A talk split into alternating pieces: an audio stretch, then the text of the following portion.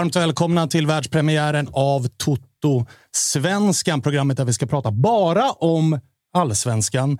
Jag heter Kristoffer Svanemar och är gnagare och kommer leda det här programmet tillsammans med min sidekick Kalle Nilsson som eh, kommer att ratta spakarna mm. bredvid mig och du mm. kommer också att eh, ja, men sköta lite allt möjligt. Du kommer vara med mig hela tiden. Men lite hustomte är väl eh, Lite tanken, hustomte. Mm. Du håller på IFK Göteborg. Det gör jag. Jag lider med dig ja, från början. Jag med. Det är en kamp. Ständig kamp. Ja, eh, vi ska presentera dagens panel också. Vi ska säga det att det kommer vara en rullande panel för varje avsnitt som går. Vi får se lite grann vilka som dyker in. Det kommer vara supportrar, det kommer vara journalister, det kommer vara spelare, det kommer vara ledare. Och i det här första programmet så har jag till att börja med med mig August Spångberg. Hallå. Välkommen. Tack. Gnagare, du jobbar lite grann i mediebranschen också. Det är Fyran och det är Sveriges Radio och det är allt möjligt. Och ganska hetsig på Twitter. Ah, tycker ändå att jag har växlat ner lite senaste åren, just kanske på grund av jobb eh, som folk eh, fattar. Eh, ja, men man, man är, man lagom är lite hets. Ja, lagom hets, men det ska det vara också. Ja. Eh, och det ska vi försöka ha här idag också, tänkte jag. det ska vi definitivt jag kollar på ha. de övriga panelmedlemmarna. det är väl typ det enda som är positivt med att ditt och mitt lag AIK har åkt ur. Man kan sitta och bara tycka saker om de matcherna som har spelats istället för att ha känslor investerade i en match som nyligen har spelats. Ja, men exakt. Även om man såklart alltid har någon form av känsla investerad i. I gårdagens match då till exempel så uh, var man inte skitbesviken över bortasegern såklart på Tele2. Men, uh, men jag köper vad du säger Svanemar. Uh, så är det. det. är väl lilla fördelen då med att uh, ha Typ den enda den fördelen. Ja. vi ska fokusera på cupsemin som spelades igår. Den spelades på Tele2 Arena mellan Djurgården och Malmö och då passar det bra att ha till att börja med Freddy Arnesson i studion. Stor Djurgårdssupporter. Du har sytts, setts i 08 Fotboll genom åren, varit med i ett par andra produktioner, har en, ja, men kanske den bästa radiorösten i landet, för den är, den är mörk. Extra mörk idag också. Det var riktigt hårt på läktaren igår. Ja, Så, inte bara på läktaren hör jag. Nej, nej, det var generellt hård helg.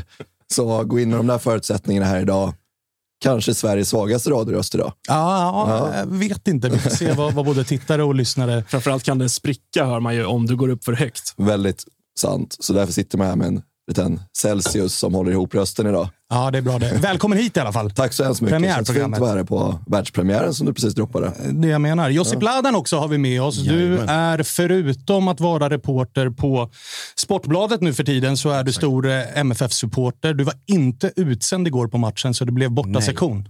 det stämmer bra. Det stämmer bra. Nej, hur, är, hur är din röst? Min röst är ganska okej. Okay måste jag ändå säga. Den har varit bättre, den har varit sämre. Den är inte lika, lika keff som, som den här till vänster. Men det är intensiv rökning och ett par kalla eh, blev det ju. Framförallt stressrök sista, ja, sista 20-30 var ganska jobbigt. Du avslöjade för oss innan sändningen att två magg på 90 minuter där någonstans. Ja, det blev det ju. Det var nervöst. Ja, det var det. Men det är också historiken på, på Tele2 som gör sitt.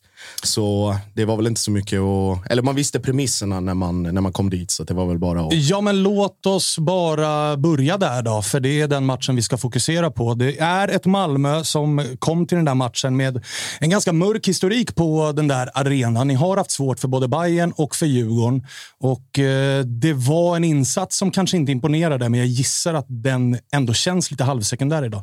Ja, faktiskt. Eh, det var ju sist, vad var det? Mattias Svanbergs otroligt turliga mål där inne. 2017? Juli 2017, ja, exakt. Vita bortatröjor även då, mm. för den som, är, som minns. Eh, nej, men det är som, alltså, insatsen var väl inte så mycket att, att orda om egentligen. Jag tycker första 15-20 så, så delar jag helt vad både Edvardsen och, och Asoro säger efter matchen och Thomas Lagerlöf också inne på det att Djurgården gör det extremt svårt för Malmö. Kommer upp i, i hög press, eh, gör det liksom inte på ett sätt som blir som blir, eh, hur ska jag säga, att nödvändigtvis går upp i press bara för att gå upp i det, utan det finns en syfte, eller ett syfte och en tanke med varje individuell rörelse.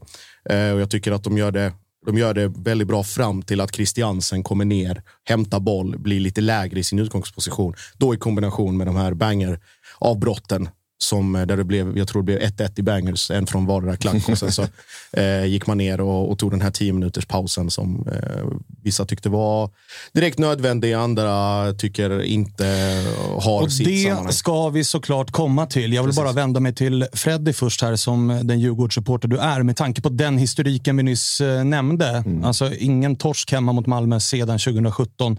Vad klev du in i den här matchen med, eller liksom generellt som djurgårdare, Malmö hemma? Hemma. jag gissar att man inte känner så här, Uff, det här blir tufft.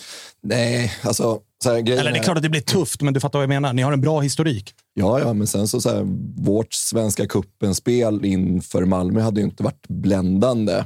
Och sen kikade man lite på AIK Malmö och då insåg man att Djurgården måste gå upp några nivåer för att ens ha en chans mot Malmö, vilket vi gjorde.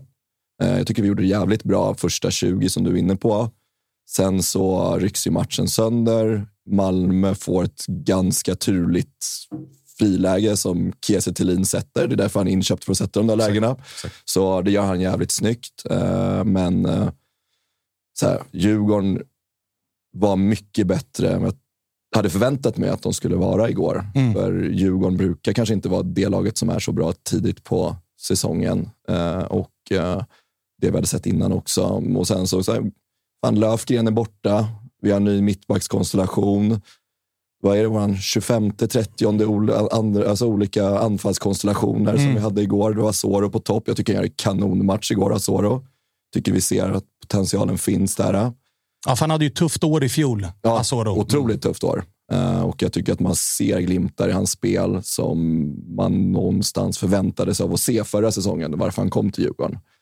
Uh, men vad så... känner du? För, uh, spontant så, jag håller ju med om att så här, Djurgården gör en jättebra spelmässig match. Det, mm. De frågetecken man kanske har haft på Djurgården, dels med tanke på värvningarna man, man har gjort inför den här säsongen, dels med tanke på hur det såg ut förra säsongen, var ju så här, har man målvakten som gör att Djurgården kan gå från att vara toppen till att vinna. Mm. Där varvade man ju lite med Widell Zetterström och eh, Vasjutin. Nu är det Widell Zetterström som står. Skottet från Isak Kiese är ju det är inte otagbart. Absolut och det andra frågetecknet var ju med nian, Kalle Holmberg. Är mm. det, det är inte han, han är på läktaren igår.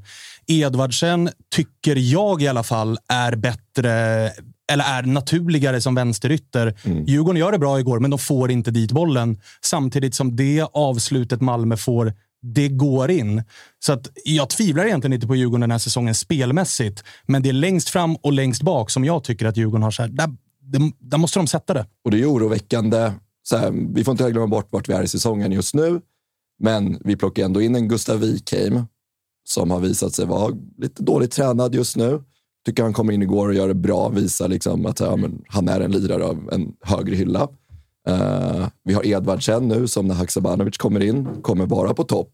Och jag tror att spelet mellan Haksabanovic och Edvardsen kommer visa sig vara jävligt effektivt. För jag tror att Haksabanovic kan läsa Edvardsen på ett helt annat sätt än vad våra nuvarande yttrar kan göra. Att mm. Han kan få de bollarna att jobba med. För Edvardsen har velat vara mer involverad i spelet och som nia i Djurgården så är han inte så involverad. Jag tror med Haksabanovic på vänsterkanten kommer Edvardsen få, få de bollarna att jobba på som han vill jobba med.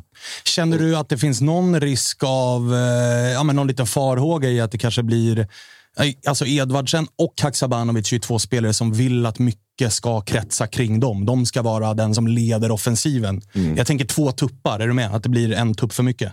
Orolig tror... eller känner du bara att det är två bra spelare, de får lösa det? Alltså i, I ett Degerfors, där kanske man bara har plats för en tupp. Kommer man till ett storstadslag eller till ett topplag i allsvenskan, då får man vara beredd på att det finns andra spelare som också vill ta plats. Och Det är nog därför man också väljer att välja komma till en klubb. Att du kan omge dig av flera spelare som har liknande kvaliteter som du har och som läser ditt spel på ett sätt som du kanske inte hade i din förra klubb. Så det är jag inte alls orolig för. Utan jag tror snarare att de kommer hitta ett jättefint samarbete eh, sinsemellan. Ja, nej, bara en, mm. mm. Jag tänkte just, just Sead och Edvardsen-grejen. Jag tror också att det, det, blir extremt viktigt att hitta den dynamiken och det samarbetet väldigt fort med tanke på att Sead i alla fall till en början, är till 30 juni. Sen vet vi ju vet inte vad som händer i Ryssland och Ukraina imorgon och än mindre i sommar. Men att, att man just hittar den balansen, den dynamiken och att man kanske medvetet inte ska göra sig allt för beroende av Sead mm. eh, på det sättet. För att bygger du för mycket, ja men då blir det kontraproduktivt istället. För han, om han försvinner eller det kommer något anbud från, från någon annan större klubb utomlands, vilket utan att spekulera för mycket, jag tror säkert det finns någon sån klausul också, att det kommer något intresse. Så så är det absolut inte omöjligt. Ja, alltså kontraktet är ju med Djurgården är ju bara till 30 juni. Exakt, sen, och, då blir det, och då blir det lite, lite likt en Hamsik-situation förra året också. Men, men, men det, det, det, som är bra med Haksabanovic när han kommer in i det här läget nu, det är att jag tror att Djurgården tänkte att Gustav Wikheim var mycket längre fram Säkert. i sin träning. Mm, mm. Nu kommer Wikheim få tre månader då han kan komma in i matchtempot, han kan sakta slussas in. Så där blir ju värvningen, eller lånet av Haksabanovic, blir ju en nyckel för att vi ska kunna göra en bra vår framåt. För Wikheim har inte varit där och han är inte redo än. Så nu får han de där tre månaderna på sig att liksom få in matchtempot. Vi har in Haksabanovic som har matchtempot inne, som mm. kommer gå in och göra en förändring direkt i Djurgården. Det hade han gjort i vilket lag som helst i allsvenskan. Eh, tillbaka till matchen då. Det var 16 mm. 500 på plats. Det blev ju... Eh, alltså, allsvenskan har inte ens inletts. Vi har redan haft den första liksom, domarskandalen med citattecken och vi har haft den första bangersincidenten där matcher har avbrutits och sådär. August, du följde den här matchen via tv. Du var inte på plats. Hur uppfattade du? För jag fattade inte riktigt varför matchen blev avbruten när jag också följde den på tv först. Utan det var, det var rörigt. Liksom. Ja, men man, precis, man, man uppfattade inte riktigt eh, den första bangersen i alla fall på tv, tyckte jag. Eh, Nej, inte, inte på arenan heller. Nej, och, och kommentatorerna var också lite sådär, ja, jag tror att det var en banger här och spelarna lämnar planen och så linjemannen stod vid mittplan helt plötsligt och, och de vände sådär. Så jag hann inte heller riktigt uppfatta vart ifrån den kom. Jag tyckte det var lite strul generellt med ljudet igår på sändningen, måste jag säga.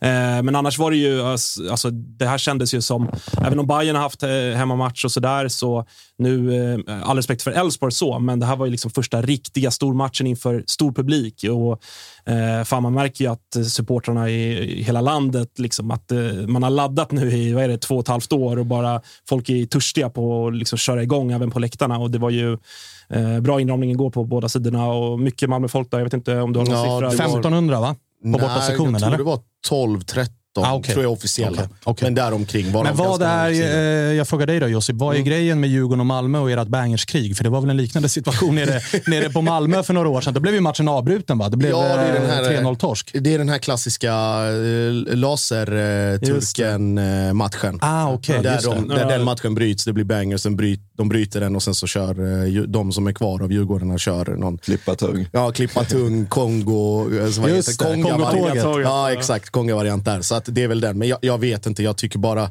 Alltså, det, jag tycker att det är märkligt att det kommer tillbaka, men sen samtidigt så den insyn man har i läktarkulturen och så mycket man vet och som har varit en liksom, del av det så länge. Jag tror det här är en generationsgrej också. Att det är liksom nu pandemin har gjort sitt, att många kanske äldre som har varit med längre eh, under ett tag tappar, eller tappar intresset eller att man skaffar barn eller familj. Alltså sådana, den typen av ska säga, vanliga livsgrejer. Eh, medan den yngre generationen kommer in med hunger, med entusiasm och kanske inte har koll på alla de här liksom, vad, taktkänsla, vad ska man göra, när ska man göra det, den biten av grejer. Så att det kan säkert vara en sån sak också. Vi hade det här problemet, ni vet ju själva, fem, sex år sedan där det var liksom supertydliga tag emot och nu ska det liksom nolltolerans och sen försvann det. Mm. Och sen så nu verkar det alltså med, jäm, jag ska inte säga jämna mellanrum, men med enstaka tillfällen att det i alla fall kommer tillbaka. Och sen tror jag mycket som det August är inne på, alltså förra gången, eller när vi på läktarplats fick komma tillbaka ordentligt var ju när säsongen var mitt igång. Det här är mm. första gången på, på två år som vi kliver in i en säsong från scratch med tomma papper. Man är övertänd. Mm. Och det är lätt att en, två, tre, fem, tio personer kanske kliver över en gräns. Jag har ju egentligen inga så här problem med, med bangers, även ifall jag förstår problematiken och tycker mm. också att är alla överens om att det här ska bort, då är det ju bara att anpassa sig efter det. Som tur var så, så verkar inte någon ha blivit skadad Nej, den här gången. Eh, men sen måste man ju faktiskt också ifrågasätta taktiken i att blåsa av matchen i så pass länge man blåser av matchen. Vad vill man komma åt med att blåsa av? Det kan jag inte riktigt förstå. Är det någon som har en tanke om det? Alltså, så här, vad man hörde på arenan tycker jag igår också var att de var jävligt hårda med bangers. Man har inte riktigt hört det surret innan som de hade, för nu körde de bangen och då var det liksom direkt att det är nya regler från fotbollsförbundet. Kastar ni in en till så kommer vi avbryta matchen tycker det var en helt annan liksom, surr kring bangers igår än vad man har hört tidigare år. Ja, och, jag, och, och jag tycker man märkte att det verkligen avskräckte, för innan har det funnits, men fan vi kör in en till, för vi vet att vi kommer kunna liksom, dra ut den här linan lite längre. Men nu var det verkligen så här, ser vi och hör en till, då kommer mm. matchen brytas. Och vet du vad, det kan jag nästan gilla, för då har man någonstans satt en gräns. För det, det, Den tonen är det ju aldrig mot eh, bengaler eller mm. rök. Då är det ju mer den här klassiska pyroteknik är förbjudet på arenorna. Alltså rätt eh, alibi. Mm. Medan den här tonen var ju rätt skarp. Och, och, då visar man ju mm. ganska tydligt att här går gränsen. Mm. Eh, sen behöver man ju fundera på, det här avbrottstaktiken har vi haft förut i allsvenskan när det har varit bengaler, när det har varit rök, att man blåser inte igång matchen och det är paus hur länge som helst. De senaste åren tycker jag i alla fall att det har varit att ser man inte blåser vi av, men så fort det har skingrat sig lite så kör vi på. Nu kändes ju avbrottet väldigt mycket för långt.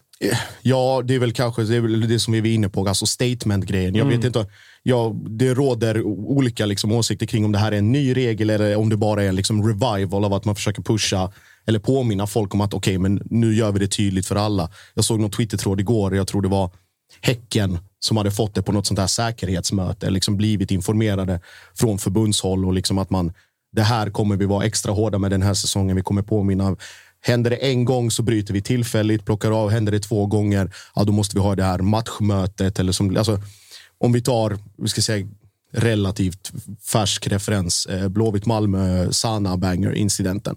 Då var det också liksom så här, den smäller. Och då, men det är också åt det extrema. Då påverkar det spelet direkt och massa liksom mm. följdeffekter av det. Men då var det liksom raka vägen ner, matchmöte, pang, bestämt 3-0, slut. Liksom. Så. Mm.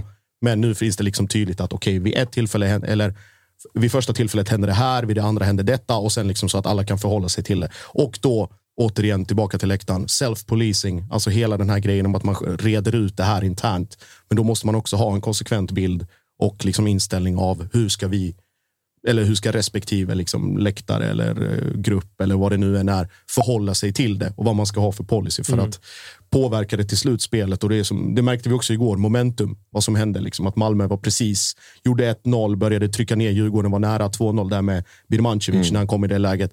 Sen smäller det, de bryter och sen så kommer det tillbaka och sen börjar man om. Liksom. Så att jag tror man får ha någon form av intern diskussion kring. Bra att du rör dig tillbaks till matchen, för låt oss eh, prata mer om den. Eh, det fotbollsmässiga, alltså Bangen tillhörde ju trots allt matchen. Det, det ska man inte sticka under stol med. Men eh, vi hade en situation med eh, Martin Olsson som inte gjorde sig jättepopulär på Tele2 Arena. Eh, det är väl också en anledning till att din röst är som den är idag, Freddy. Absolut. Men eh, jag tänkte låta August ta den här först, i och med att du är den mest, eller den som har minst känslor investerade i de här två spelarna.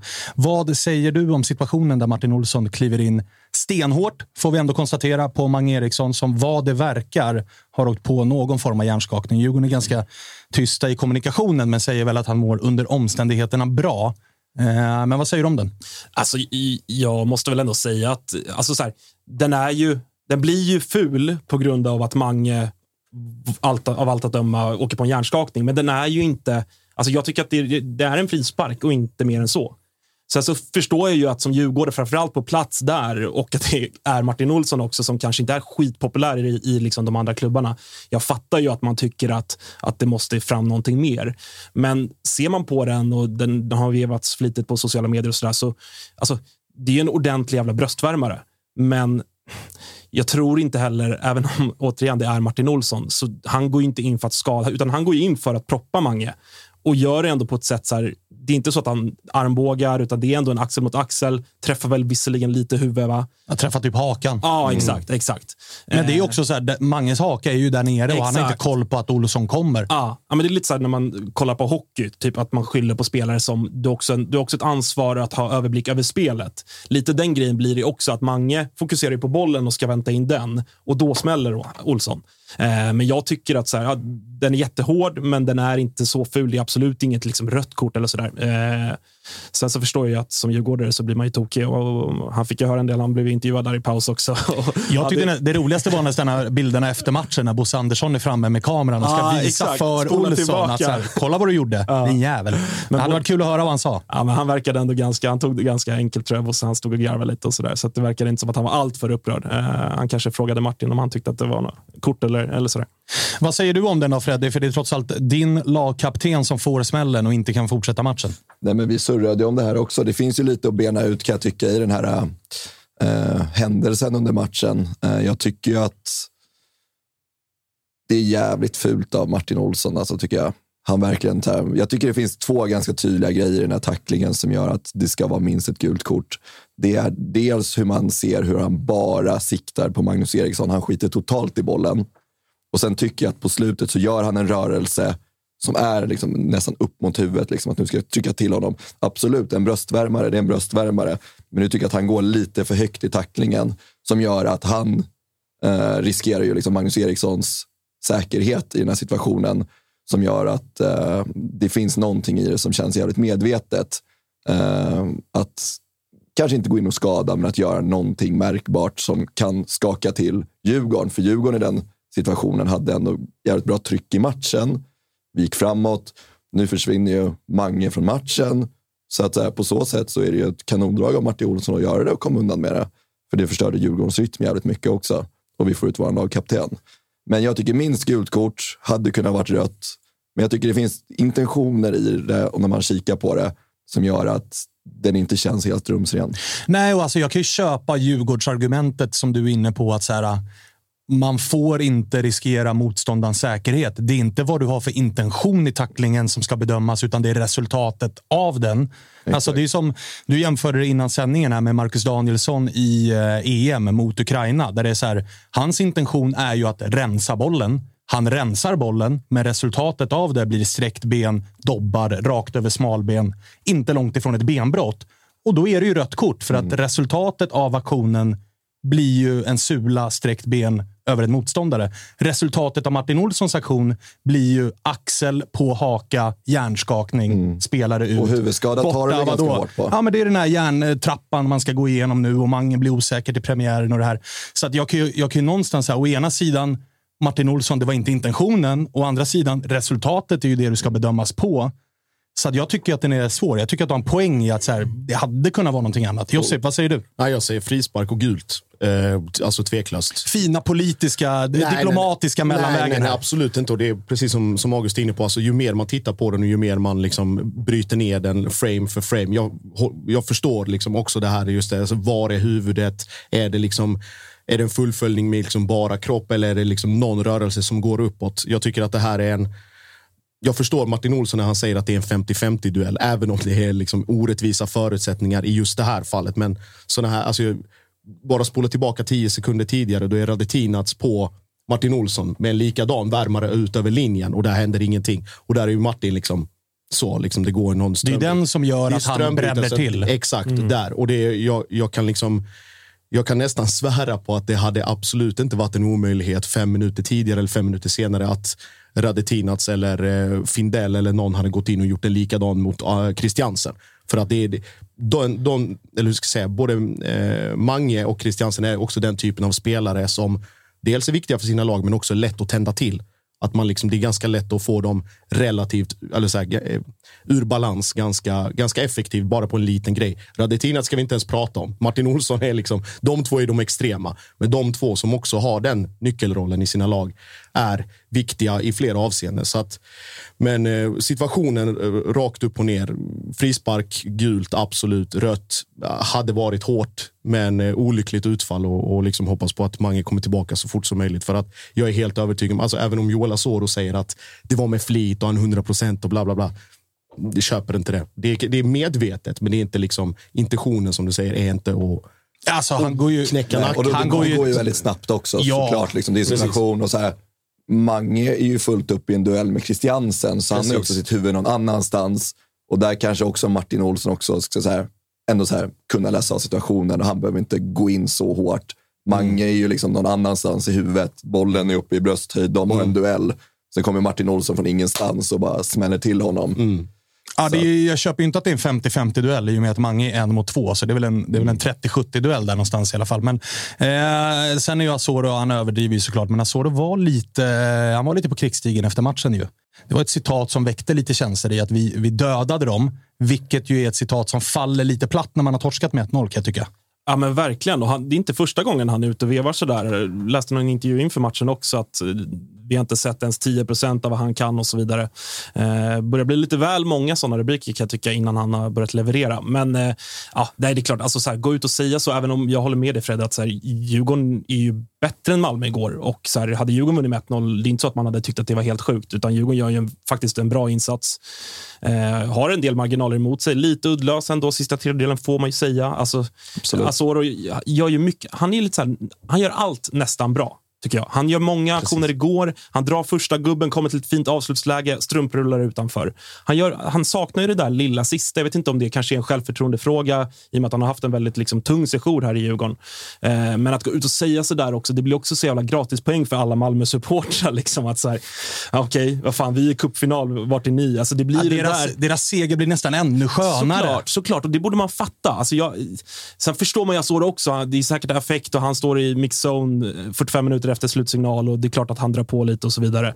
Men det är också så här, Mm, det är ja, mycket frustration. Såklart, ja. givetvis. givetvis. Men, men, men med facit i hand, och, och det är lätt, lätt, för mig att säga som sitter här nu, sådär. men eh, man känner lite sådär att ge dem inte den där. Ge dem inte den också. Det är klart mm. att alla Malmö-supportrar bara sitter och gottar sig i den nu. Liksom. Ja, det var lite som, eh, som Bahoui efter Såklart, efter, exakt. Liksom, det är liksom samma sak där. Det var samma sak där. Ja, ja. Att Nabbe liksom, både i, i, i AIKs kanaler och i liksom, alla andra kanaler hela tiden poängterar att det är, liksom, det är ett rån och jag blir misshandlad och jag vill inte spela forward längre så blir det bara roligare. Mm. För alla andra. Liksom. Exakt, även om man skulle tycka att spelarna har rätt i sak så blir det ändå så här, för er som eh, åtta bärs in och firar liksom en cupfinal så blir det ju ändå så här, det är skitsamma vad ni säger. Jag kan inte yes. hålla på om åtta bärs eh, räcker ifall jag, ska vara, ifall jag ska vara ärlig. Eh, hörni, det är inte bara vi fyra, fem som sitter i den här studion, utan vi har också besök ifrån de brittiska öarna på länk. Pontus Jansson är med oss och jag gissar att han också har gottat sig ganska bra i Malmö-segern och att det är cupfinal och att det kan bli första gången sedan 80-talet som Malmö faktiskt vinner den där jävla kuppen. Hur mår du Ponne? Jag mår mycket bra faktiskt. Mycket bra. Du eh, såg inte cupsemin live igår då du själv spelade match med ditt Brentford, men jag förstår att du är ledig idag och har därför eh, pysslat med att se om matchen. Vad säger du om den? Uh, ja, jag kollade faktiskt på highlights idag, extended highlights. Uh, och, ja, den, den är väl kanske inte rättvis, men jävligt god var den att, att vinna. Eh, en, en cynisk seger ser jag det som på, på en balkongmatta. Eh, så att, eh, den, den tar vi alla dagar i veckan. Ja, den här mattan eh, gillar ni att prata om. Du, eh, den här tacklingen har vi diskuterat en del. Den som Olsson delar ut på Magnus Eriksson. Du som ofta är inblandad i tacklingar, vad säger du om tacklingen? Ja, nej, men först och främst är det två väldigt bra kompisar, både Mange och, och Martin. Eh, så att, eh, jag är bara glad att, att det inte blev allvarligare med, med Mange. Eh, men jag vet inte, den är svår. Det går så snabbt alltså. Eh, jag tror inte att Martin avsiktligt skadar Mange, men båda de känner varandra från landslaget också. Så att, jag tror inte det är något avsiktligt i det. Det är klart att Martin går in du in hårt i duellen, vilket man, eh, man gör på en fotbollsplan, framförallt i ett sånt hett möte. Eh, jag tror inte det är någon avsikt att, att skada, det är jag nästan säker på. Jag eh, och Freddy, som är vår Djurgårdsrepresentant här i studion, var ju inne på lite grann att så här, jag förstår ändå djurgårdare som vill ha det till ett rött kort. Vi jämförde det med Marcus Danielssons tackling i EM. Eh, att så här, Marcus mm. Danielsson rensar ju bollen. Det är hans enda intention. Men resultatet blir ju sträckt ben över smalben, nära att bli en allvarlig skada. På så sätt så går det att argumentera för att det här också ska vara det. Det är inte Olssons intention att skada Mange, men resultatet blir ju en stenhård tackling. Träffa mm. käken, hjärnskakning, borta tio dagar, två veckor någonstans. Ja, men jag tror inte domaren hinner ta in det i beaktning och framförallt inte utan VAR. Eh, jag menar, domaren i Ukraina-matchen tog ju inte det beslutet utan VAR. Så att med VAR så kanske det hade blivit lite annorlunda. Um, men sen är det också skillnad tror jag, när det kommer en rak fotsula som Macka gjorde i, i Ukraina-matchen. Så klart den, den är ju tuffare. Eh, för för det kan ju bli en karriärshotande skada. Det är alltså klart att hjärnskakning också är allvarligt. Eh, men där och då så tror jag inte de förstod vikten av den tacklingen Martin satte in. Ehm, så att ja, det har väl lite med det att göra också. Ja, och den köper jag faktiskt. För att vi har ju inte varit i, i Sverige, tack och lov säger jag. Trots att eh, mitt lag säkerligen hade spelat semifinal om vi hade haft det, säger jag. Eh, du var på mig lite grann Ponne efter den där segern i eh, kvartsfinalen mot AIK. Men du som har sett och har bra koll på Malmö, vad säger du om årets upplaga än så länge? Hur tycker du att de ser ut? Nej, men jag tycker att de, de ser bra ut. Det känns som att de börjar ta börja ta det, det, nästa steg som jag har tjatat om i flera år. Eh, att, att de ska ta. Eh, alltså, att vara bäst i Sverige, ja. Men jag tror att Malmö ska satsa ännu, ännu mer än så med de resurserna som man har. Eh, och jag tycker man börjar ta de kliven nu.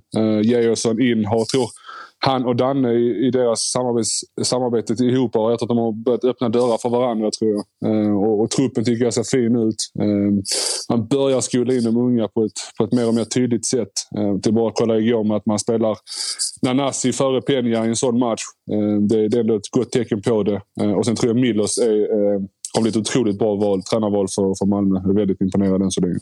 Om vi ska ta just den tränarbiten, för är det någonting där vi ju faktiskt inte, och här får du också komma in Josip ifall du vill. Mm. Är det någonting som inte har varit en kontinuitet i Malmö så är det just att man inte har varit särskilt bang på att byta ut den där tränarposten. Trots att man vinner SM-guld och trots att man tar sig till gruppspel i Europa så är det medvetet att man vill ha den liksom, korta brintiden på tränarna till skillnad från många andra klubbar som jobbar väldigt långsiktigt med, med tränarna. Va, va, Eh, vad säger du Josip? Eh, ja, jag kan ju börja. Eh, nej, jag tror, jag tror också att, både, att man både, Ponne du får, får rätta mig om jag har fel, men jag tror att man både från klubbhåll och från tränarhåll, alltså vid rekryteringen, förstår att om du, om du gör eller att Malmö möjliggör för dig att gå vidare. Och om det är någonting som, som Malmö inte vill göra så är det att hindra sina liksom, tränare och spelare från att gå ut i Europa för att bibehålla en god relation och kanske komma tillbaka i framtiden. Så att jag tror man är väldigt medveten om att det är en språngbräda. Samtidigt så förutsätter ju i alla fall från klubbhåll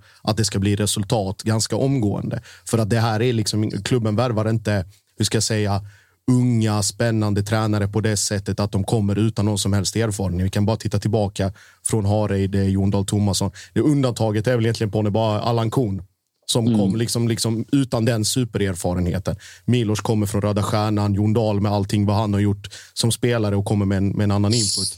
Magnus Persson som hade viss dokumenterad erfarenhet från svensk fotboll och sådär som ändå var ett namn.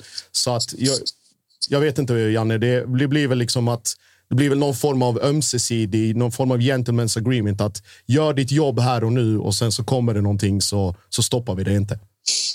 Ja, nej, jag håller med. Eh, men jag tror också i detta tränarvalet att, att man kan ändå jag tror man kan se Milos under en längre brintid i Malmö än man gjorde, man gjorde till exempel med, med Tomasson. Alltså, jag tror inte Malmö har problem med att ha Milos som tränare i, under, under flera år, om, om så blir fallet. Um, Jon kändes som att det var, inte att det var en kortsiktig lösning, uh, men ett kortare val än, än vad jag kan se med Milos. Uh, så det är klart att får Milos ett, ett erbjudande ute i Europa och, och han verkligen vill så tror jag inte Malmö kommer stoppa honom. Men jag tror att man ändå ser sig själv med Milos under en längre tid än vad man gjort med, med tidigare tränarval. Mm. och, eh, och det gillar jag. Och det är också en, en del av den nya de nya, vad ska man säga, nya dörrarna som öppnas med, med Georgsson in och med, med Danne i lite ny roll. Att man, man börjar se på saker och ting lite, lite mer annorlunda och inte bara genom Dannes ögon. Vilket såklart har varit en fantastisk saga än så länge. Men att få in grejer som där också, jag tror det, det kommer att bli, bli ännu bättre. Men finns det någon oro, jag tänker ändå med, med det bagaget som Milos ändå kommer med, som ändå är färskt i minne med Bayern och Rosenborg-grejen och sen landar han upp i Malmö. Finns det någonting att så här, han ändå visar tendenser att om han vill dra, då vill han dra till varje pris? Jag tror inte det. Jag träffade, jag träffade själv Milos när jag var hemma i, i januari och, eh, och fick hela den här storyn berättad för mig. Jag tror det är mycket som, som inte har kommit ut hur det egentligen gick till. Eh, och det, vill det komma, ska det komma ut så är det såklart genom Milos, eh, genom Milos vägar. Och jag kommer såklart inte avstå något av det, men jag tror det är många saker som, som inte riktigt har kommit ut med hur det egentligen var. Och jag är absolut inte orolig för, för de bitarna. Ska vi eh, titta lite mer generellt på Malmö då, inför den här säsongen så är det förutom tränarbytet med Jon Dahl ut och Milos in så har det ju hänt grejer i spelartruppen också. Din gode vän Isak Kiese har eh, kommit in och han ersätter väl Colak som till slut inte gick att lösa. Anel Ahmedhodzic har blivit Dennis Hadzikadunic. Det är väl de stora grejerna. Mm. Säger ni att det är ett bättre Malmö 2022 än vad det är 2021? Är det lika bra eller är det någon nivå sämre? Ja, vad säger du, John? Jag håller dem nog ja, jämbördiga, kanske till och med ännu bättre. Um, spelar som Peña tror jag kommer bara ta ett ytterligare kliv. Alltså, han, han har potential att bli allsvenskans, tillsammans med AC, allsvenskans bästa mittfältare. Kanske till och med allsvenskans bästa spelare han kommer bara bli bättre. Jag tror Dennis och Anel, jag håller Anel lite högre, men jag tror inte Dennis är långt därifrån. Um, och då är Moisander in från, från start, vilket hittills har visat sig vara en av de absolut bästa mittbackarna i Allsvenskan. Lasse har också sett riktigt bra ut. Så jag tror det är många som har tagit kliv. Många som har fått ännu tydligare roller under, under Milos. Um, så jag håller nog Malmö ännu bättre i år än vad de, vad de var förra året. Och Ola tillbaka får vi inte glömma heller. Alltså Ola, Nej, det är faktiskt ett, ett nyförvärv bara det. har vi också en av allsvenskans, ja, kanske den största profilen, men också en av de, av de bättre spelarna. Mm. Ja, jag, jag, håller med och jag tror också att, alltså, jag tänkte fråga dig om det också, Janne. Vi, vi har ju, vad heter det, 13 spelare utlånade. Bara as, liksom as we speak. Och då hade vi igår också inte ens Addi, Oskar, Ola eller Jonas i truppen överhuvudtaget. Och ett annat mm. nyförvärv, Matti Chalus på läktaren. Inte ens liksom i matchtruppen. Vad, vad, tror du, hur, vad tror du blir viktigast? Liksom att, att hålla folk nöjda eller att balansera den grejen mellan då utlån och speltid kontra att, att rotera och hur ska säga, ha balansen där så att det blir så bra som möjligt på så, fler, så många olika fronter som möjligt? Ja, men det är såklart först och främst upp till Gerson och Danne att bygga en trupp som, som ja, såklart ska spela Europa varje år. Så du behöver ju en bred trupp, men du ska ha ändå en trupp som, som gör att alla hela tiden ska vara nöjda. Alla ska kunna veta sina platser i truppen. Eh, och sen såklart upp till Milos och, och sen bestämma vilka som ska spela och hur han vill använda sitt rotationssystem och så vidare. Men det är jag inte orolig över alls. Utan jag bara, alltså, gick igenom startelvan när de mötte AIK. Jag vet att AIK också hade många spelare borta, men de spelare som Malmö hade utanför, det är ju för fan nästan ett skämt hur man kan ha så bred trupp. Det är, Typ som City och Liverpool jämför, eller City jämförs i Premier League. Det är väl typ, typ den nivån. Och, ja, det ska man nog mer se som ett lyxproblem än, än, än, än ett problem. Det, det, tror jag inte det kommer bli. Och Det håller jag med om, men som eh, Stockholmsbaserad så minns man Milos tid i Bayern, där man, eh, Han var ju inte bang på att rotera truppen, men det läckte också ut lite grann om att de rotationerna inte riktigt gjorde spelare jättenöjda och glada. Det har tisslat och tasslat som att en del spelare inte var helt nöjda med ledarskapet. Jag ser jag håller med er om att Malmö har den bästa truppen. Det är inget snack om det. Det var mycket snack om det igår efter matchen. Att herregud, Malmö har två allsvenska spelare, som, eh, eller två spelare på varje position som håller högsta allsvenska klass. Att det är ett Malmö B som nog är ett topplag i allsvenskan det också. Och då blir ju någonstans det den största utmaningen, ju, att hålla alla nöjda och glada. För det känns ju som att Malmö går in i säsongen någonstans lite som sin egen främsta konkurrent. Absolut. Ja, men jag tror också de, de tongivande spelarna, de äldre spelarna och ledaren i laget måste ta ansvar för att, för att få spelarna att dra åt samma håll. Och det tror jag också de kommer att göra. Det är jag inte alls orolig över. Eh, alltså, sånt här snack finns ju överallt. Men det jag fått höra av och de jag känner runt Hammarby och så av Milos själv att många av de spelarna mer eller mindre dog för honom och älskade honom. Så det är klart att man får alltid se det från två håll. Eh, och jag, jag tror jag tror Milos har en mycket bättre vad ska man säga, eh, kemimänniska än vad, vad Jon Tomasson var till exempel. Jag tror hans relation med spelarna kommer vara på en helt annan nivå än vad, än vad Jons var. Eh, sen såklart, det är upp till varje tränare att bestämma var, var han vill lägga sig. Men jag tror Milos är mycket mer till att han kommer vara tajt med sina spelare och bygga upp den här kemin. Främst med de ledande spelarna i truppen för att sen få dem och få med de andra. Ehm, så att, eh, nej, det, det är jag faktiskt inte alls orolig över. Och för er som lyssnar och inte bara tittar på det här så kan jag meddela att Josip sitter och myser när han hör det eh, Ponne är inne på här. Men eh, ifall vi vänder på det då, för svagheter finns det ju alltid. Det är trots allt en Malmö som mot ett ganska kritiserat AIK faktiskt bara vinner förra årets allsvenska på målskillnad. Det är någonstans så vi summerar förra säsongen ju. Eh, vad, vad, finns det för, eh, för svagheter och vad finns det för farhågor inför den här säsongen? Eller är det bara guld och gröna skogar och Malmö ska vinna dubben och eh, ligan är klar i, i, någonstans i september? Nej, alltså jag, jag sa hela förra året att Malmö gjorde en, en riktigt svag säsong eh, och fick väldigt mycket kritik från, från många av mina nära MFF-vänner. Eh, för att för dem räcker det att man vinner och det är väl den mentaliteten som är Malmö. Vinner man så är det nog. Men så jag säger att Malmö har, har, har, har potential att bli så mycket bättre än vad de har varit. Det jag tror de kommer ta det nästa steget nu med Georgsson, med Danne, med Milos eh, och med den här nya yngre, yngre generationen som de vågar tro på med, med Nanasi och med, med Hugo och så vidare. Jag tror man har något spännande på gång eh, och så såklart har man ju redan den bästa truppen tillgänglig. Ehm, men nej, jag, jag håller med dig. Förra säsongen var, var jag inte alls nöjd med. Jag tyckte båda vann han guld två år och tog Malmö till Champions League. Men till båda säsongerna med Jonet, det var många, många frågetecken i mina ögon. Och det tror jag också är ett av valen varför man ja, lät han gå vidare när det kom en annan klubb för honom. Jag tror att man, klart att man var nöjda med honom, det kan man inte säga något annat, eh, säga något annat om. Men jag tror ändå att, att man också själv insåg att det finns mer potential i, i den truppen och, och, och Malmö som förening. Eh, ifall vi frågar om, eh, du får bara välja ett lag. Vilken är den största konkurrenten till guldet? Um, den är svår. Alltså jag ser alla tre Stockholmsklubbar som mer eller mindre jämbördiga och som, som de största konkurrenterna till, till Malmö. Um, jag har alltid sagt att det fanns, förr, förr i Allsvenskan fanns det alltid två skikt. Det fanns de över åtta och sen fanns det de under åtta. Men nu är det som att det bildas mer skikt i, i den allsvenska tabellen där jag ser Malmö som ja, ganska mycket bättre än, än de andra tre Stockholmslagen. Eh, och sen är det några andra skikt, skikt därefter med, med Norrköping, Häcken och Göteborg bakom där. Och sen kommer kanske Kalmar lite bakom. Men jag tycker Malmö är, Malmö är fortfarande bäst och sen så är det de tre Stockholmslagen som är, som är bakom. Och ska de få har chans till att vinna guld så måste de få allting att stämma samtidigt som Malmö har en lite sämre säsong. Um, Ja, det, är väl så. Det är klart det är en självbild. Det får man ju lov att säga. Den är befogad. Ja, nej, nej. Alltså, jag, jag bara konstaterar att självbilden är där. Den är där. Eh, men Ponne, du ska få hänga kvar. Vi ska skifta fokus lite till en av de här Stockholmsklubbarna, då, nämligen Djurgården som ni spöade igår. Eh, och på tal om intressanta fönster. Djurgården gör ju faktiskt ett, eh, ett jävla fönster. Det är inte över ännu. Det kan fortfarande hända mer. Men Bosse har jobbat hårt, Freddy. Alltså man är ju imponerad av att han hittar de här gubbarna också. Att han hittar en Piotr Johansson som går in och verkligen, jag tycker han bröstar Aslaks roll väldigt bra, det man har sett hittills i Djurgården. Och det var ingenting man alls förväntade sig av Piotr Johansson. Så här, ganska... Ja, men lite så här, jaha. Ja, alltså och så där, är han jättefin. Det, det, var nog inte jättemycket intresse eh, på, på honom från Kalmar. Eh, så att där tycker jag vi gör en jävla kanonvärvning och typisk Bosse-värvning också, att hitta de där gubbarna. Pierre Bengtsson har ju gått in och visat sig vara, ja, jag inte, topp tre bästa nyförvärven jag sett i Djurgården de senaste tio åren, skulle jag nästan påstå. Oj! Som en enormt trygg spelare. Ponne garvar. Nej, men verkligen ex extremt trygg med bollen. Och han också använder den här korridoren som vi haft problem med på just vänsterkanten i Djurgården. Eh, Augustinsson kanske inte var världens mest offensiva ytterback. Check, inte heller där. Pierre Bengtsson tycker jag tar för sig. Ja, men jag håller med om att det är en nivå över de två tidigare. Det Ja, men skriver jag verkligen. definitivt Och jag, tycker han har, jag hade inte så höga förväntningar på honom och framförallt inte vad man hörde i FCK heller. Att det fanns ett litet missnöje där och han har ju spelat här, sju minuter hela den säsongen.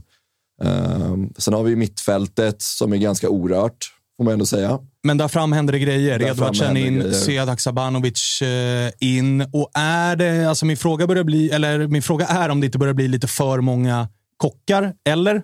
Alltså Sead, Edvardsen, Wikheim, du har Asoro där, du har Ademi där, du har eh, Radetinac där.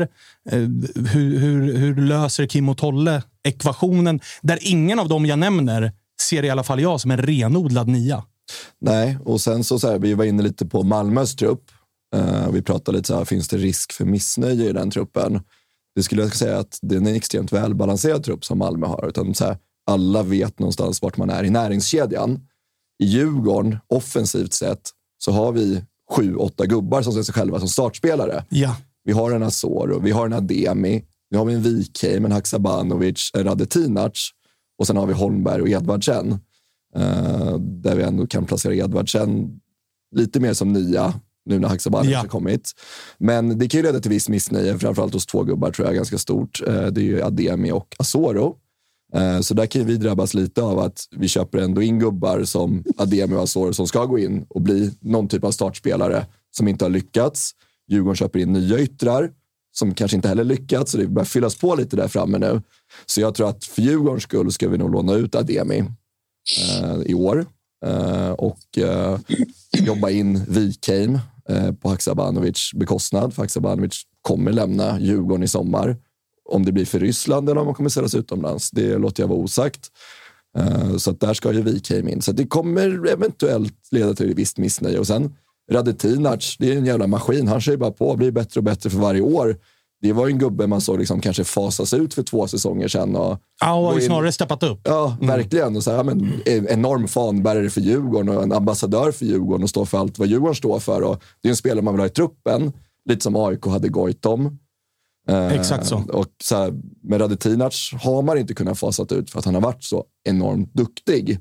Men det sätter ju också en liten kvalitetsstämpel på de som kommer bakom att Asoro kanske inte har lyckats ta det steget. Nej, det var det jag tänkte fråga också. Bosse är ju, han är ju gud i Djurgårdsland. Alltså det är ju vad han än gör så blir han ju jättehyllad. Men det är ändå spelare som Ademi, Asoro som ändå har kostat en del pengar, fått en del löner och Djurgården känner ändå och Bosse känner ändå att vi måste fylla på med ännu fler på de positionerna.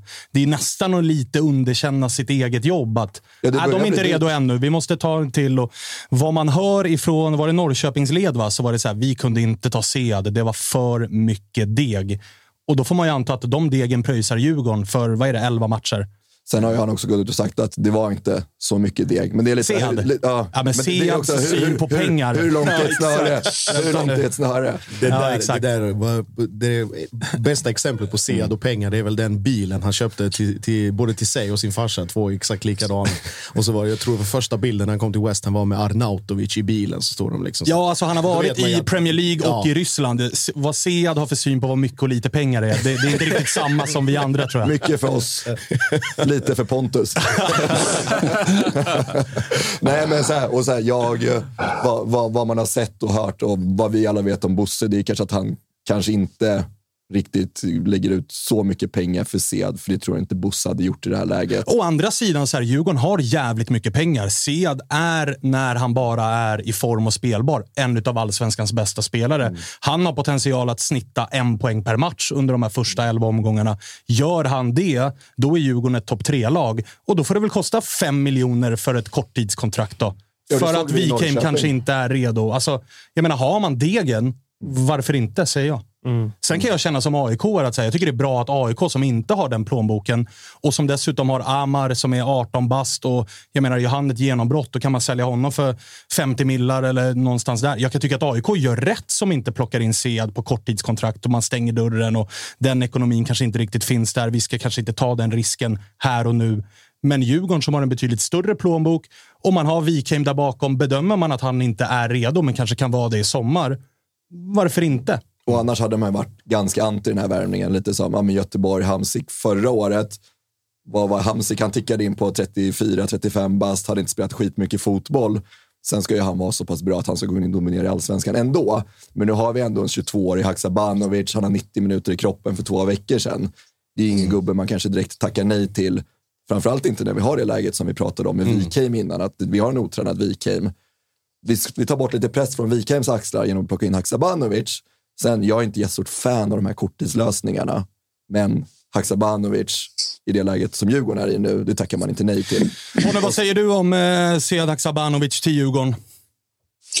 Nej, men alltså, först och främst en fantastisk spelare. Eh, alltså jag var ju, var ju på Malmö tidigt och kollade med dem hur de, hur de såg på de här spelarna som typ ja, Haksabanovic, Claesson, Jordan Larsson och så vidare. Men jag tror Malmö var ganska tydliga där direkt att, eh, att det blev för mycket cirkus bara för, för 10-11 matcher. Att det inte var, att det inte var värt det. Eh, och och det, det köper jag fullt ut. Eh, men sen samtidigt också som i, som i Djurgårdens fall att då bli erbjudna i Haksabanovic men som är så pass bra spelare. Jag tror det samtidigt är svårt att, att säga nej eh, för, för en klubb som Djurgården. Eh, men samtidigt så tycker jag så att Malmö gör rätt att de inte, att de inte vad ska man säga, eh, bräckar på hela, hela, hela laget bara för att vinna en spelare för tio matcher. Så att, eh, jag tyckte Malmö, Malmö gör helt rätt med, med det. Och håller du med mig i mitt resonemang också att för Djurgården så kan det ju faktiskt vara, i det läget Djurgården är, i, den, i det läget Wikheim är, så kan det ju vara en bra lösning för Djurgården. Men bara, bara för att det är en bra lösning för Djurgården så behöver det inte vara en bra lösning för andra lag. Exakt, nej, håller med. Håller med. Eh, jag tänkte också när ni pratar om Djurgården, vad, vad är Djurgårdens... eh, om de är alla friska, vem är fronttrio i, i Djurgården då? Hur, hur ställer de upp? Ta den du Freddy.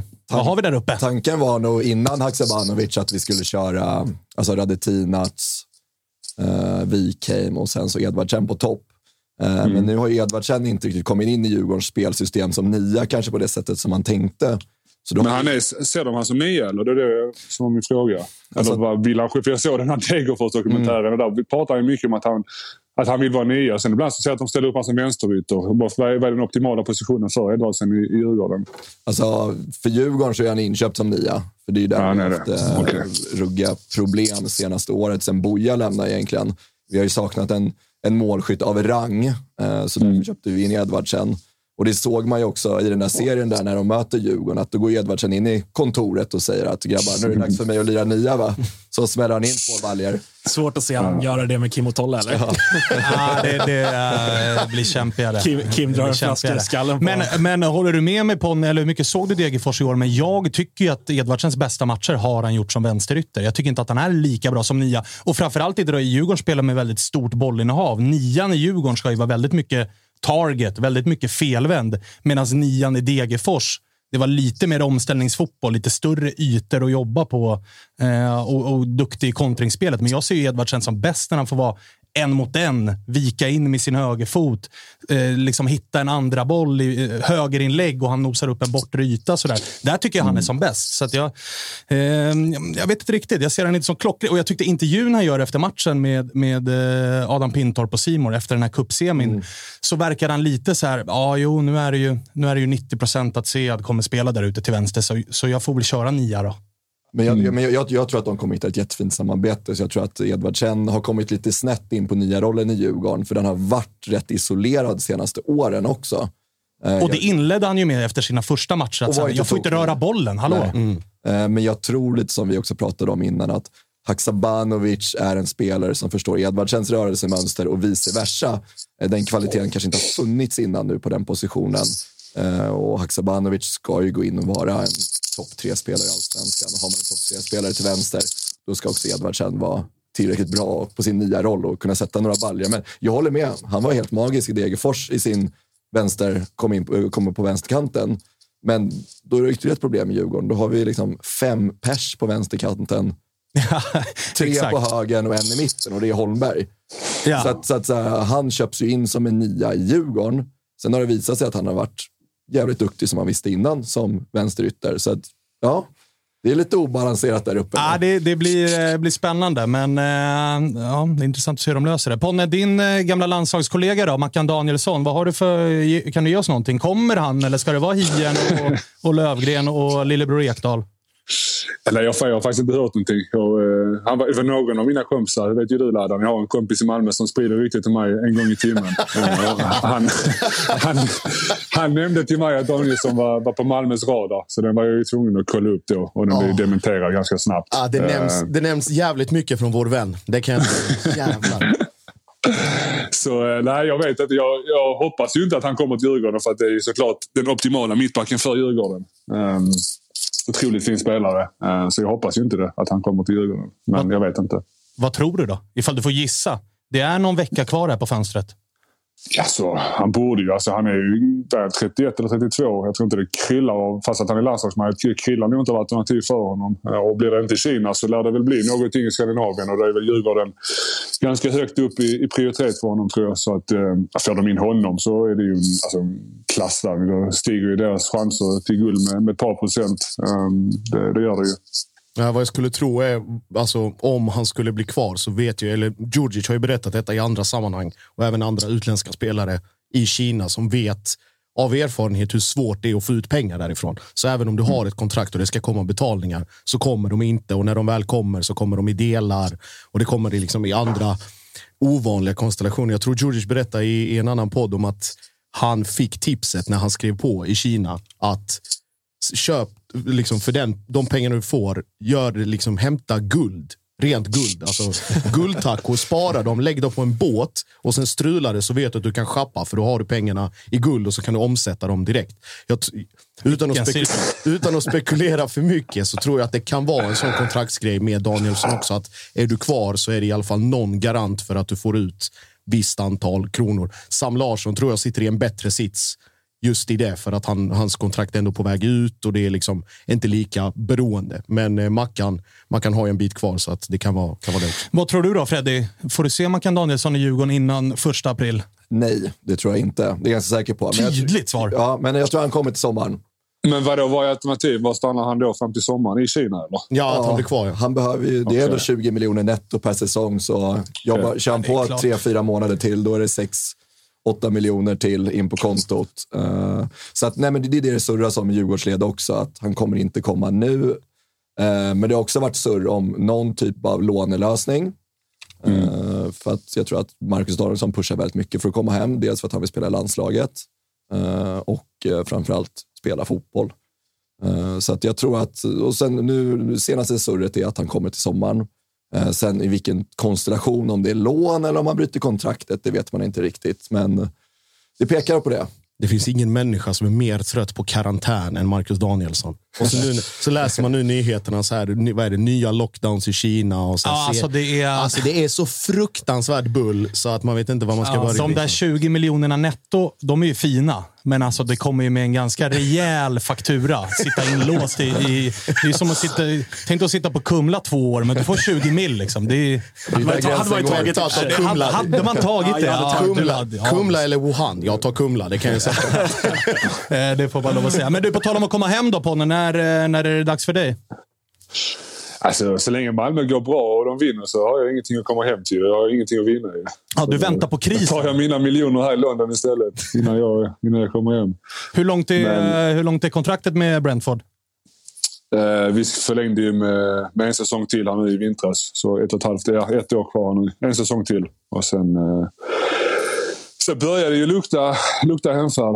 Eh, se om, om alla bitar faller på plats också bara.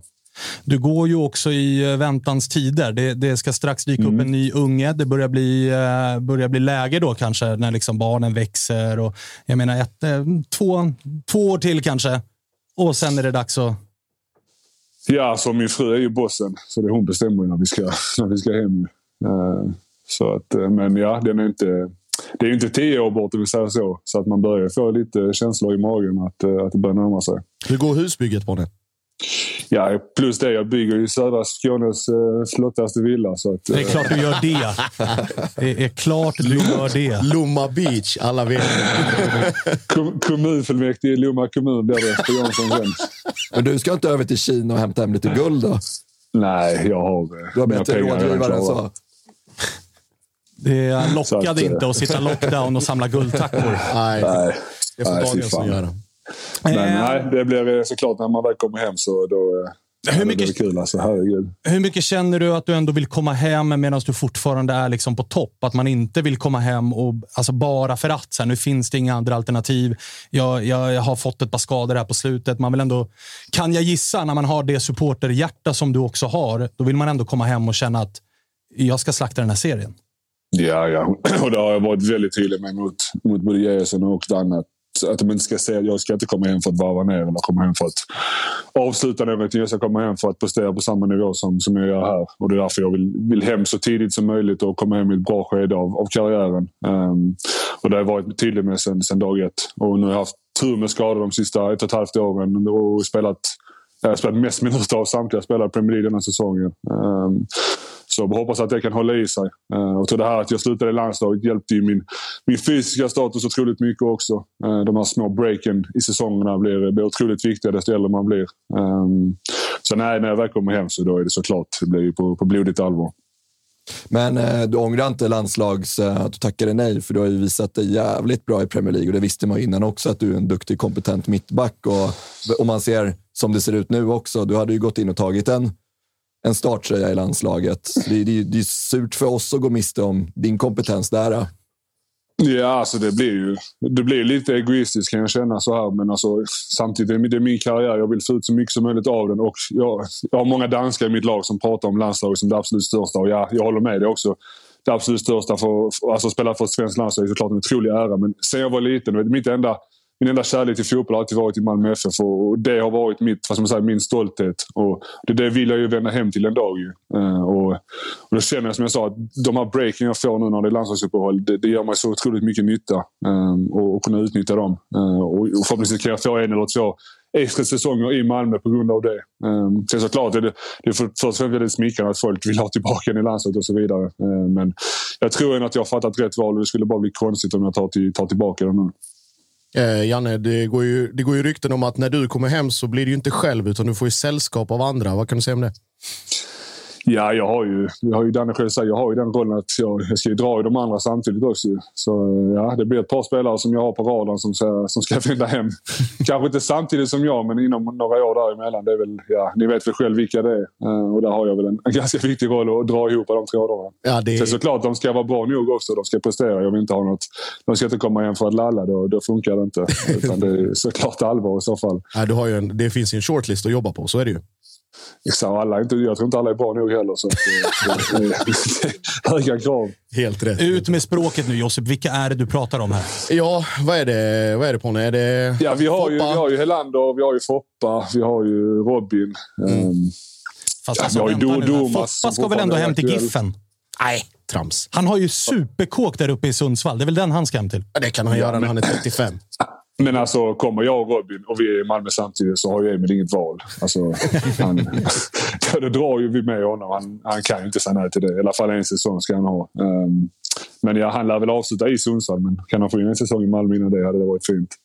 Köper det. Eh, på tal om hemvändare då. Vi ska vända blicken från Malmö och mot Gnaget. Vi har ju faktiskt eh, August med i studion och Malmö slog ut Gnaget här i cupkvartsfinalen efter tidernas kupprån vill jag påstå. Då. Men eh, skit i den matchen.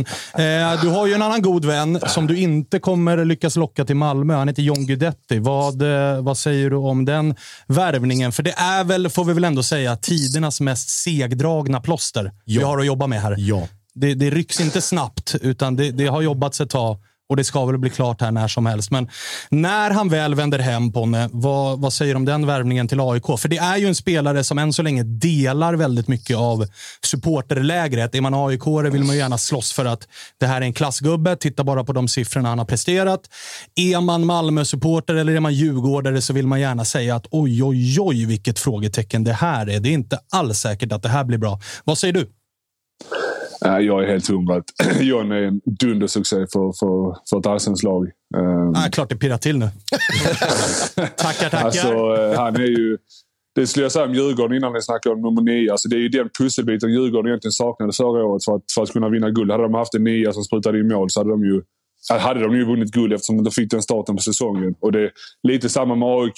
Trots att Bahoui och Stefanelli ändå gjorde det bra så är det ju egentligen det de har saknat. En, en, en målgörare, en, en, ja, en riktig nummer nio av, av hög klass. Um, och där, där är ju John alltså. Det är, det är ju Isak eh, emot eh, till att vara den bästa nian i Allsvenskan. Eh, och jag, alltså, jag älskar Isak, men alltså, John har ju nog potential att kanske kunna bli ännu mer dominant. Känns fel att säga eftersom att Isak nu är i Malmö, men alltså, jag, jag har alltid varit väldigt svag för John. Eh, han har, inte, både, bara, inte bara på planen, utan framförallt utanför planen, han har sånt driv att få med andra. Eh, och, eh, Ja, sen jag träffade John och sen jag mötte John, jag, alltid, jag hatade ju möten när jag mötte John när han var i BP och jag var i Malmö. Alltså, jag ville ju fan slå ihjäl honom efter matchen.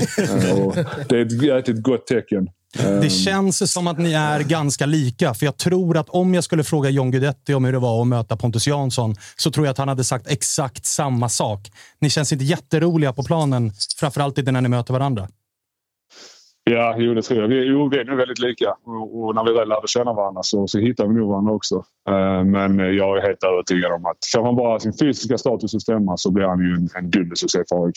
Det är jag helt övertygad om. Vad säger du annars om eh, det AIK som du eh, kanske inte har sett jättemycket, men, men jag gissar att du såg dem en del förra säsongen. Jag gissar att du i alla fall har tentaklerna påslagna under den här eh, kuppen och vi mötte ju varandra här i, i kvartsfinalen. En match som Malmö var det bättre laget spelmässigt, men där AIK var ganska effektiva och, och småluriga. Och precis som Malmö saknade AIK ett par nyckelspelare i framförallt kanske Milosevic och eh, vem saknade vi? Micke Lustiga som ju är eh, och har visat sig vara en jävligt bra mittback. Men, men eh, hur ser du på AIK inför säsongen? Nej, men alltså, jag har ju dem i, alltså, som skiktet precis under Malmö. Har de en bra säsong samtidigt som Malmö har lite sämre så kan AIK vinna. Men det de måste rätta till i år är väl deras borta, bortasiffror. Hemma var de ju helt... Hemma var de ju AIK förra året om man kan säga så. Där de körde över sina motståndare. Var väldigt stabila, släppte inte in några mål och var tunga. Och man visste att förr eller senare så skulle de vinna matchen. Och de hade väl laddat om 13-2-0 hemma i, i fjol. Stämmer. Det, det, är ju, det är ju guldsiffror. Hade de bara rättat till sina bortasiffror lite så hade de ju nog tagit det guldet. Ehm, så det är väl det där det handlar om för dem att rätta till de, de siffrorna på bortaplan. Och August, vad känner du inför den här säsongen då, som ändå håller på, på AIK? Det du har fått se hittills är ju, ifall jag får inleda, ett, lite av ett nytt AIK. Det är inte riktigt det här samma... Eller tyngden finns väl kvar, men det är lite mer flärd i år. Ja, men precis. Och det var väl det som, eh, som saknades i fjol. Som man kände ändå vreds på lite grann under hösten. Vi har ju Elfsborg borta i näst sista omgången. 2-4 på Borås Arena. Det tänkte man ju att det kommer man aldrig se AIK göra. Fyra mål på Borås Arena. Eh, det har vi typ inte gjort om vi räknar upp alla matcher äh, vi har spelat på äh, Borås Arena genom exakt, tiderna. Exakt. Eh, men det är klart att det, är ju, det finns ju vissa frågetecken eh, kring offensiven nu. Jag räknar ju in John Guidetti, att han kommer bli klar här, eh, kanske till, till och med till premiären. Eh, frågetecknen tycker jag är ju yt ytterzonerna. Eh, det är ju där AIK har de stora problemen. Eh, Yasin Ayari har spelat lite där, Stefanelli lite. Zach Elbouzedi har varit självskriven på en av kanterna. Det vet inte jag om jag tycker att ett, ett lag som aspirerar på att vinna SM-guld kan ha i en startelva. Det är en, det är en spelare som absolut kan gå in och göra det bra då och då, spela, hoppa in sista 30 med sin fart och sin speed, men, men starta framförallt ute till vänster tycker jag att man har sett att Zack inte är så bra som man eh, måste ha en spelare där ute. Eh, så där finns det ju vissa frågetecken. Sen har vi ju liksom ytter, ytterkanterna på, på ytterbacks, ytterbackspositionerna som är absolut högsta klass. Eh, gillar ändå värvningen av Axel Björnström. Sen så såklart Otieno är ju självskriven till vänster och sådär. Men eh, jag tror att Björnström kommer, om inte annat, axla den rollen när väl Otieno försvinner. För det räknar jag nästan med att han gör i sommar. Eh, men det är klart, det, det är frågetecken ute på kanterna. Eh, vill man lägga en så stor press på Amar? Eh, ska han gå in redan från start och vara en spelare som man ska kunna lita på i tuffa matcher som mot Malmö i kuppen där han visserligen visar att hej, han är redo. Han har en högsta nivå som ja, senast man såg det. Det var ju en, en viss landslagsanfallare idag eh, i AIK. Så att, eh, det är spännande. Det, jag tycker att bortsett från kuppen mot, eh, mot Örebro eh, så har AIK sett riktigt, riktigt bra ut och eh, du var inne på det lite Freddy, att Djurgården inte alltid är så bra tidigt på säsongen. Jag vill hävda att AIK är ännu värre åt det negativa. Att man, det är ju det som har varit akilleshälen också, att man, det tar sju, åtta omgångar innan AIK börjar trumma igång. Eh, alltså, vi är i mitten på mars. Det brukar vara avgår upp för den här tiden. Ja, men exakt. Alltså, att, att se liksom... Eh, alltså, jag tycker en sån match som bara Eskils minne, ett jävla brödgäng i, i ettan södra. Max 1-0 för två år sedan. Exakt. Max 1-0.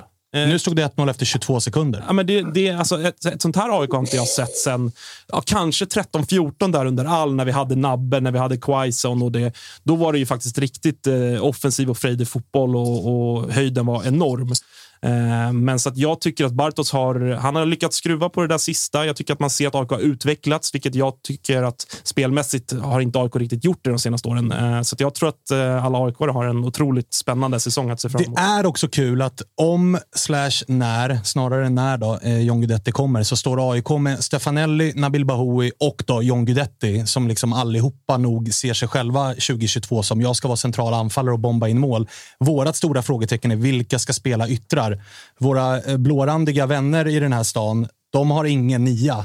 Men de har en helvetes jävla massa yttrar. Ska vi köra ett byte eller? Ja, det är läge att sätta sig vid ett förhandlingsbord här och köra lite, lite blinda byten. Men, men vadå, vill inte, vill inte Nabbe spela? Alltså, Nabbe slog väl igenom som vänsterytter? Han vill, ju, han vill ju vara där, men eh, vi hade honom som gäst i vår AIK-podd Testa Stör och där var han ganska tydlig med att Bartos vill att yttrarna ska jobba hem Ponne. Och Nabbe säger, jag ska det är också inte så, jobba alltså, hem. Vad fan. Det är, jag pratade med Lustig om detta här. Alltså, svensk fotboll är så mycket anti att springa. Alltså, de skulle komma en match i Premier League, här springer man till man dör. Alltså. det, måste, det måste man få in mer i svensk fotboll. Alltså, att springa, det är fan en av huvudingredienserna i, i fotboll. Ju. Ja, men Nabbe ska bara göra mål. Ja. Och han jo, gör man kan väl springa och göra mål, eller? Nej, tydligen inte då. Det är svårt. men, Nabbe, vi, vi, får se. Alltså, den här vänsterplatsen, Nabbe kan nog axla den. Då behöver vi nog svida om lite. Nico Stefanelli kan axla den. Det har han gjort bra under 2021. Men framförallt så tycker jag nog att så här, med de rutinerade spelare som finns, i Seb, Lustig, Milosevic, Sotte. Fan, låt Amar starta. 18 bast, han flyger, han visar kvaliteten. Det han visar upp mot Malmö i det där inhoppet, det är också mot ett motstånd som är liksom, hej, du har det. Du kommer inte vara bäst i världen varje match. Men det är tillräckligt bra för att du ska få starta varje match mm. och köra. Ja, den tvåfotan där är ju helt sanslös. Ja, jag, var väldigt, jag har inte sett honom innan, men aldrig hört hans namn. Han var alltså, väldigt imponerad. Han hade ett internationellt driv i sig. Mm. Freddy, du är inne på något där. Ja, men jag tänker också det som har varit kanske AIKs akilleshäl, eh, som vi inte pratar så mycket om heller, det är ju Nordfeldt. Alltså att han kommer in och är den målvakten som ni verkligen har sökt efter sen Ivan Torina. Verkligen. Mm. Eh, och jag tycker där har ni ju en jävla fördel mot kanske fem, sex senaste säsongerna. Att ni har en keeper som ni vet levererar, som är trygg, som gör det han ska göra. Mm. Eh, Ja, och det känns ju faktiskt otroligt stabilt att gå in i säsongen med, med landslagets andra målvakt. Ja, jag var där. Ni har haft Väldigt trygg som person också, Ja, utanför planen. Ja, och där känns AIK faktiskt jävligt harmoniskt just nu. Vi har en trupp som är liksom, den är samlad den, den är, och den är rejäl. Alltså det är rutin, det är eh, egna produkter, det är unga talanger. Nu handlar det om att få in eh, ja, men sista lilla pusselbiten eh, som förhoppningsvis presenteras den här veckan. Det är väl det som är, är sagt i alla fall. Och det är ju just det du nämner här, det sista, så just dynamiken och truppsammansättningen. AIK har ju alltid varit ett lag där det är liksom, går du på en, går du på alla. Men man kan, alltså, nu utifrån, de här senaste kanske två, tre åren har det inte varit lika tydligt. Det finns liksom, hur ska jag säga, det kommer en ful tackling, då går en, två, max tre spelare in. Vi vet alla vilka. Det är Seb, det är Lustig och det är Nabbe. Liksom.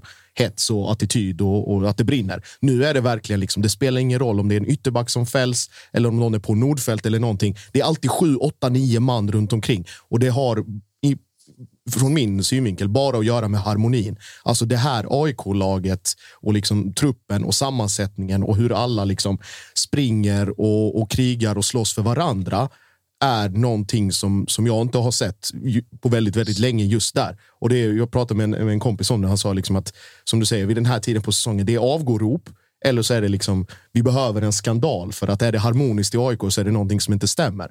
Nu är det bara tvärtom, att man går ut i Karlberg, man gör sin grej i lugn och ro. Alla litar på Bartos, Bartos litar på sin trupp. Jurelius gör sitt och liksom alla har en tydlig fördelning. Och det märks också att det blir harmoni. Det är inte den här, vi ska säga, pressen som kan vara både AIKs bästa vän men också värsta fiende. Bortaspelet då som Ponne nämnde Ja. som exempel. Och det känns ju faktiskt läskigt som aik att gå in och känna att allt är frid och fröjd här. Ja. Det var kanske den där smällen vi behövde nere på Malmö IP. Då, att det var eh, ja, men någon av dina polare, Josip, som var inne och baxade en handduk och en domare som, som, eh, som Det var hittade Josip på några grejer. Nej, Det kan nog fan ha varit Josip alltså. Nej, det där Din var för- Lämna tillbaks den. Det var en för, för smal kroppsbyggnad för vad jag. Lite för lätt i steget. Ja, lite för snabb. Ah, okay. eh, men August, eh, Ponne frågade Freddy hur Djurgården ställer upp sin offensiva trio. Jag frågar dig hur AIK ställer upp den här backlinjen. För att nu är det faktiskt en Joe Mendes som inte bara har varit jävligt bra mot Eskilsminne utan också jävligt bra mot eh, Malmö FF borta. Hur eh, formerar du den här backlinjen? För där är det konkurrensutsatt just nu. Ja, men verkligen. Och det är ju, um, vi har ju pratat om det i alla tre klubbar här idag. Att det finns lyxproblem i olika liksom, grader. Sådär. Och när det kommer till AIKs backlinje, där är det ett lyxproblem. Eh, det naturliga är väl ändå att... Eh, alltså, jag har svårt att se att man ska bänka två av tre spelare vad gäller Milosevic, Sotte och Pertan. Jag tror väl ändå att det är Sotte och Milo som ska spela mittbackar. Men då är frågan ute till höger. Micke Lustig, en spelare som spelade EM för Sverige i somras. Han petar ska, inte. ska man peta honom för en spelare som har gjort en säsong i division 1 i HTFF? Jag vet inte fan. Eh, samtidigt har, som du var inne på, Joe Mendes har varit en av, ett av de liksom stora utropstecken i AIK i år hittills. Så att, eh, jag tror väl också att det kommer vara en viss rotation där. Jag tror väl kanske att nu, nu tvingades ju så att säga Mendes spela mot Malmö för att Lustig var avstängd i och med det röda mot Örebro. Men jag, jag tror väl kanske att i de här lite större matcherna, vi pratar derbyna, Malmö borta och så vidare, då tror jag kanske att Lustig kommer att starta som högerback på bekostnad av Mendes. Men att eh, Kalmar hemma och så vidare, att då kanske man väljer att ta in Lustig centralt i mitten och starta Mendes. Och då är ju frågan vem som petas av mittbackarna då. Jag tycker Lustig har sett jätte, jättebra ut. Han har li, liksom, går ju lite mot samma resa som, som Nisse Johansson gjorde en gång i tiden, att starta ute till vänster, men med, på ålderns höst när man blir lite långsammare, man orkar inte, man har inte de här löpmetrarna i sig, flytta in i banan och det visade ju sig vara ett succé, eh, succédrag i AIK med, med Nisse och jag tror att det kan vara liksom lite samma resa för Lustig. Jag tycker ju kanske att Lustig ska spela bre, bredvid Milosevic då, att det, är, att det är Sotte som får flytta på sig. Inte för att Sotte på något sätt har gjort det dåligt, men han är väl den som av de tre ibland ser lite nonchalant ut. Ibland sätter man liksom hjärtat i halsgropen och ibland alltså sådär. Eh, så att om jag måste välja så eh, Häcken borta. Tuff match, men jag, jag ser gärna Joe Mendes till höger och eh, Lustig och Milosevic centralt. Sen vet man inte heller Milosevic status i och med att han har varit skadad och, och gjorde sina första minuter mot Norrköping. Här. Älskar också att du inte en enda gång i det här resonemanget nämner Otieno. För att det Nej, är, det är alltså, alltså- hej, hej, det är Erik Otieno. Ja. Det är allsvenskans bästa. Eh, vänsterback, Olsson och Pierre Bengtsson får ursäkta, men they ain't got är nothing on? Otieno. Eh, Ponne, vad säger du om den där backlinjen? Man brukar ju säga att så här, bra offensiv vinner matcher, bra defensiv vinner guld. Den där backlinjen med Milosevic, som ju är och nosar på landslaget, Lustig som om han vill spelar i landslaget, Nordfeldt som är där. Och så har vi, liksom, vi har ju, vi har ju mittbackar i, i nästan överflöd. Vi, Per Karlsson gör det riktigt bra borta mot Malmö också. 81 och Björnström ute till vänster. Det, det är en bra backuppsättning vi har. Verkligen. Jag vill bara säga det. Jag, jag, tror, jag tror att efter säsongen att Lustig har startat eh, mer matcher som, eh, som mittback än, än som högerback. Utan att eh, säga för mycket. Det är, min- det är min känsla. Det är, nog mer, det, leende. det är nog mer bara en känsla, eh, får vi lov att säga. men det, glädjer mig. Det, det talar ju för att Bartos ändå tror väldigt mycket på Joe Mendes och är beredd att ge honom stort förtroende. Ja. Nej, men och det ger också liksom viss harmoni för Milosevic, för Sotte att sådär, och även för Bartos. Då, att är, det, är det en liten känning, är det ett hårt matchande, vi ska ut i ett Europakval och så vidare, eh, då kan man vila någon av de två för att man kan dra in Lustig när som helst och han kommer göra det minst lika bra. Det är klart att det, det blir ju en väldig trygghet i AIK och jag tror att, eh, som du var inne på Fred också med Nordfeldt, alltså den harmonin och den, den tilliten som man ser övriga trupp ge när Nordfeldt får hem bollen kontra när kanske Janosevic stod i mål förra säsongen eller förrförra. Det är ju en jävla skillnad. Eh, Att man vet att han kommer inte hålla på att fucka upp grejer. Och jag säger Ja, men att AIK... det tror jag också är en sak som, som ni i Stockholm nu måste börja pusha för. Nu är det fan dags för er att komma ut i Europa. Alltså. Åh, fan. för för Vad fan menar du? utan något annat lag i Europa än Malmö. Men vadå? Vi lirade ju för fan nyss mot Barca. Det är ju en domarskandal. Det var ju alltså 99. Det var ju, känns som igår. Vi är ju där och nosar. Nej, det är svagt. Jag håller med dig på om att det, det måste vara fokus där. Och där får ju någonstans Conference League, som ju visade sig, det här är ju debutsäsongen för Conference League, men för svenska lag så är nog Conference League en gåva sänd från de eh, beslutsfattande organen. För det är faktiskt motstånd som vi ska kunna slå. Det är en ekonomi som är Alltså för att vara svenska klubbar, jävligt fördelaktig. Det finns stora pengar att tjäna.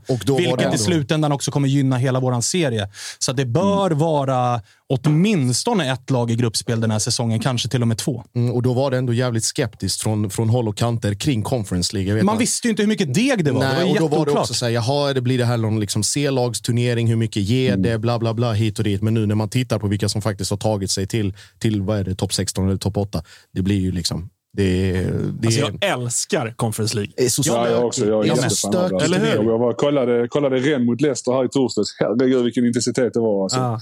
Så Ja, det är kul sen att är de, det- även ett lag som Leicester tar det på, på fullt allvar. Alltså till skillnad från Champions League, jag är ju en vurmare för Europa League. Det här är ju liksom Europa League 2.0. Alltså, bort, alltså ur supporterperspektiv. Det är ett par jävla fina bortamatcher det finns att jobba in i den här turneringen som, är, som kittlar lite grann. Eh, Så där, där eh, ska vi verkligen jobba. Och hur ser det ut nu? Djurgården AIK är klara för Conference League-kval. Och sen så är det ju den här finalen då, som om Bayern vinner den, då är det Bayern som ska kvala till Conference League. Om Malmö vinner den, då blir det Elfsborg som får den platsen i och med att de kom fyra i serien. Yes. Eh, Vad är det för kulor förresten i konferensen? Ja, men det är det är- 30 millar i gruppspelet va? Jag tror att det är där Drygt, någonstans. Ja. Och det är ju inte en jättesvår väg till gruppspelet. Alltså, Bayern var ju nära, nära i fjol. Jo, men alltså ett lag som Basel ska man ju liksom ha en hyfsad chans mot. Och det var Malmös, eller det var Bayerns sista steg innan gruppspelet. och, det, och det var ändå en ganska tuff lottning de fick Ja, exakt. De fick en mardrömslott. Ja. Liksom. Ja, ja. Så, så har man liksom en, en, en vanlig walk in the park genom det där kvalet, så då ses vi i Conference League. Brentford, kommer ni köra Conference League nästa år eller? Vi, hade vi bara fortsatt säsongen som vi började så hade det funnits chans ju. Ja, det såg ju bra ut inledningsvis. Men eh, många lag pushar, alltså, har ju det. Alltså, de pushar ju för det. Som jag sa, Leicester tar ju Conference League på, på absolut största allvar. Då är ändå Leicester, ja, i alla fall ett av topp åt- topp 8-lag om man säger så. Så att eh, Conference League tas på, på största allvar i Men det, England. men det är sexan och sjuan i Premier League som går dit? Eller är det en, Ja, jag, ja, jag tror det. Jag vet inte. Ja, det väl, eller om det är femman, sexan till Europa League och sen sjuan och kanske något cupplag. Ja, jag vet inte riktigt. Men de har väl två platser i alla fall tror jag. Men det löser ni. Ja, det är en bit upp. Men, men eh, se, till ja. att, se till att lösa det där kontraktet först. Men det är väl åtta pinnar ner, så att det, det ska ni fan kunna gneta till er. Ja, två segrar till snackade de om att det, att det bör räcka. Ja, och då har vi åtta matcher kvar så borde vi, borde vi kunna lösa det. Löser vi inte det så förtjänar vi inte att vara kvar. Ja, och då kanske det blir Malmö då. vi får se. Vi får se. Eh, Ponne, vi ska börja runda av här, men tack som fan för att du var med. Du ersätts eh, på onsdag utav eh, Per Frick. Då ska vi prata lite grann om, om Bayern Elfsborg och deras cupäventyr, den semifinalen och deras syn på säsongen som kommer här framöver. Kämpa på där borta i, i England. Lycka till med nya kontraktet och framför allt då barn nummer två som kommer när som helst. Tack, tack. Lycka till om silvret till alla Stockholmlagen. Vi hörs, Janne. Självbilden fortsätter att vara vad den är. Eh, hörni, vi har ett par minuter kvar av det här avsnittet. Jag tänkte att vi skulle prata lite grann om den tilltänkta skytteligan. Mm. För det är ju faktiskt så att våra tre klubbar kommer ju att ha de tre stora favoriterna. Nu är ju inte Nabbe riktigt där ännu, men Edvardsen, Isak Kiese jag vänder mig till er två först. Det är väl de två som ska göra målen för era två respektive lag.